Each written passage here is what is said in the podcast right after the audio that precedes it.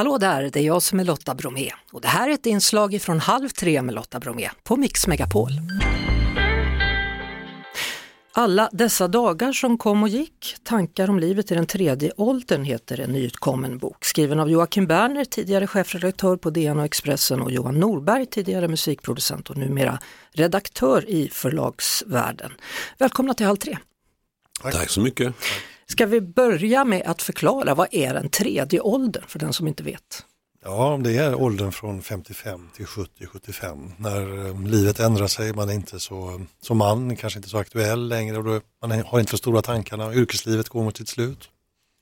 Men mm. man är inte heller jättegammal. Det är en slags mellanålder kan man säga. Ja, hur upptäcker man att man har hamnat, förutom själva siffran, i den tredje åldern? Ja, men det är väl kanske att man befinner sig i det som Joakim var inne här på, att man befinner sig i en fas där för de flesta så har barnen kanske flyttat hemifrån ens eh, hetsigaste period av ens liv, kanske över med karriären och så vidare och man fortfarande, om man har lyckan att fortfarande vara vid god hälsa så finns det ju mycket andra saker att göra. Just för mig och Joakim är lite olika där för att jag har fortfarande väldigt små barn hemma så att jag, jag befinner mig i en slags ständig självbedrägeri om hur gammal jag egentligen är eftersom mina barn är så små. Så. Ja, och, och för dig, där finns ingen undanflykt utan Nej, du är så gammal. Ja, let's face it. men, men, men är den tredje åldern, är det en siffra eller handlar det mer om en känsla? Nej, det är klart att det är en känsla men sen är vi, vi blir ju äldre, vi kan liksom inte göra så mycket åt det och, och uh, det, det, finns ju också någonting runt äldre män som tror att de är odödliga och ska liksom stå längst fram på scenen. Och det gäller att släppa taget lite grann, det är väl mm. det vi försöker prata om. Bland annat. Pratar du om dig själv då eller pratar du om andra som du ser? Jag pratar om mig själv och vi, vi använder oss själva som, som uh, måttstock och referensyta men det är klart att det finns något mm. generellt det. Vi har väl alla träffat farbröder som pratar mest om sig själva. Va, vad hände? Vad var det som hände? Någonting har ju väckt här tankar och funderingar hos er? Var det något speciellt? Ja, det, det som hände rent konkret var att vi, jag hjälpte Joakim med hans självbiografi. Så träffades vi för tre år sedan och vi började ta långpromenader bara av glädjen att umgås och prata och eh, eftersom ingen av oss har någon farstu när det gäller att prata om känslor så blev det ganska konkret direkt ganska allvarliga saker.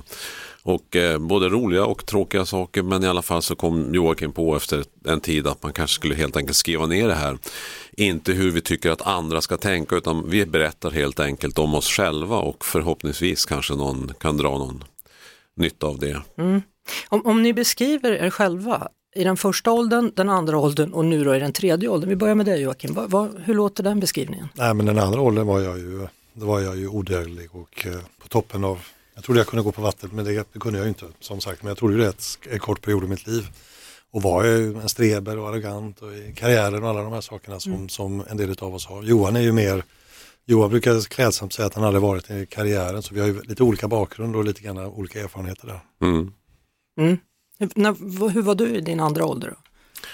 Alltså jag har ju bara hållit på att spela gitarr hela mitt liv. Det var, har liksom inte varit någon större skillnad. Det är inte, ja, men jag, började spela, jag började jobba som gitarrist när jag var 20 och det var 50 så var jag fortfarande gitarrist. Det hände inte så mycket däremellan. Det var ingen slags karriär. Men du hade ju någon slags karriär väl? Ja, du alltså, satt väl med Steffo, var det inte så? Ja, jag satt med och, och spelade. i det här programmet ja. i TV4s barndom. Men, men som, som frilansande musiker så börjar man, det finns inte så att man sen blir byrådirektör, gitarrist och sen chefsgitarrist utan man blir gitarrist och sen, sen står man och stampar men det är en jäkla bra fläck att stå och stampa på faktiskt. Mm. Eh, vilka frågor är det som har blivit störst för er då? I samband med boken? Mm. Det har varit väldigt mycket olika saker men eh, saker som man Ångrar tycker jag är kul att, att, diskutera. Det låter knäppt att man säger att det är kul. Men, men man ska skilja på ångra sig och gräma sig.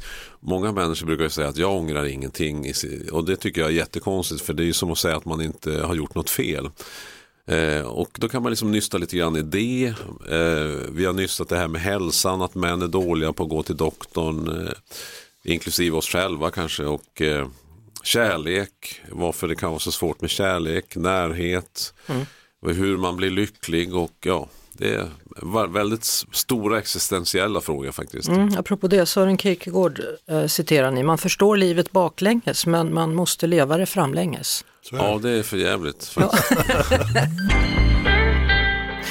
Gäster just nu är Joakim Berner och Johan Norberg som har en ny bok då, som heter Alla dessa dagar som kom och gick. Eh, ni skriver på baksidan då, för återknyta lite till det som vi pratade om innan låten. Om vi hade vetat då som unga på väg ut i världen vad vi vet nu, hade vi gjort något annorlunda? Frågetecken. Ja, definitivt. Förklara. Vad vet jag ni nu? Hade, jag skulle ha dansat och älskat mer och bara haft roligare. Jag var så ängslig fram till jag var 30 ängslig och orolig över allt och jag skulle ha vetat att livet är långt. Det finns gott om tid att göra allting.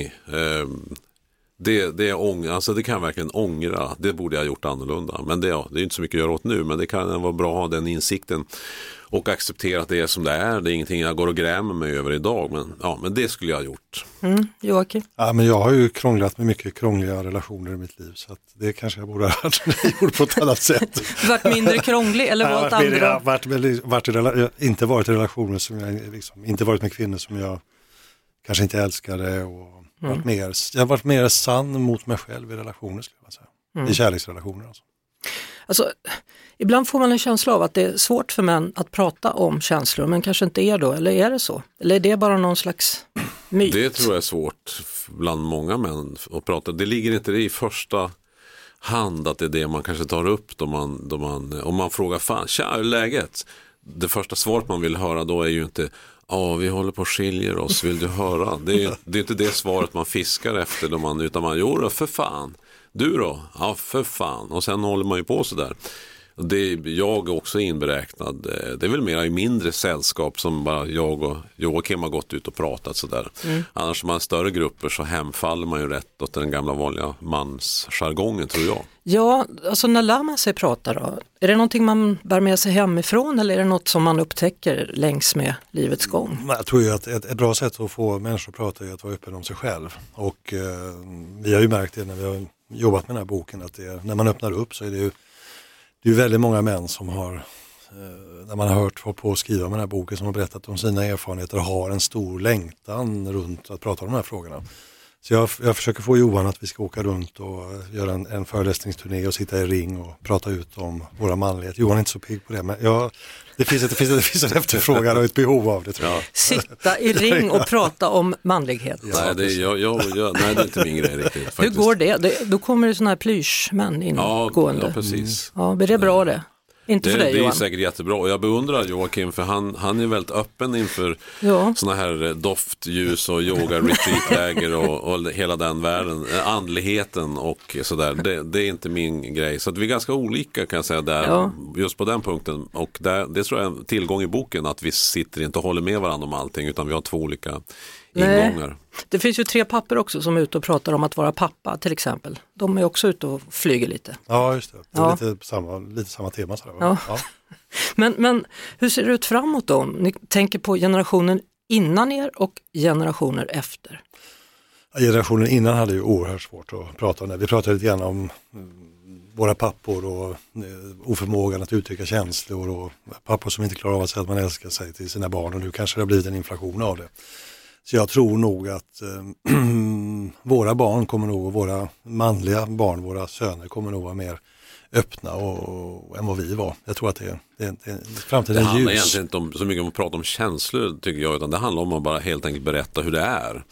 För om man säger att ja, vi måste prata om känslor, det låter som att man ska sitta och säga att jag känner mig, jag mår inte riktigt bra. Eller, du vet, men det är inte mm. det det handlar om, utan det är att man kanske i ett samtal säger att jag, jag går och oroar mig för potensen för att jag kanske har en eh, operation eller på gång här eller jag oroar mig för olika sjukdomar. Att man verkligen vågar berätta om saker mm. som man tycker känns jobbigt. Det behöver inte vara liksom ett känslo pjunk eller ältande utan bara försöka vara, öppna upp lite grann. Men jag tror överhuvudtaget, oavsett om vi pratar killar eller tjejer, alltså människor som är i 15 till 25 års ålder nu, de har ju ett helt annat sätt att tänka på än, än vad vi hade. Absolut. Mm, de, är, är de, är, mycket friare, det är liksom inte så mycket definiera heller man, kvinna, utan nej, nej. du definierar människa och du Absolut. är den du är. Absolut. Det är ganska spännande, även ja. om man inte alltid hänger med i ja, absolut, tankarna. Absolut. Mm.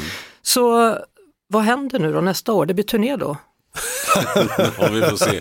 vi får se hur den här boken går. Om det, om det är fler än vi som tycker att den är fantastisk och läsvärd. Och kanske, kanske vi åker ut och pratar så får Joakim han kan få sitta i en ring så kan jag stå bredvid. Ja, Det går väl bra? Ja, absolut, absolut. Tack så mycket för att ni kom hit och berättade om er bok då, Joakim Berner och Johan Norberg. Boken heter alltså Alla dessa dagar som kom och gick.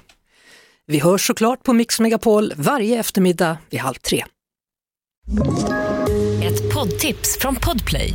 I fallen jag aldrig glömmer djupdyker Hasse Aro i arbetet bakom några av Sveriges mest uppseendeväckande brottsutredningar. Går vi in med hemlig telefonavlyssning och, och då upplever vi att vi får en total förändring av hans beteende. Vad är det som händer nu? Vem är det som läcker? Och så säger han att jag är kriminell, jag har varit kriminell i hela mitt liv men att mörda ett barn, där går min gräns. Nya säsongen av Fallen jag aldrig glömmer på Podplay.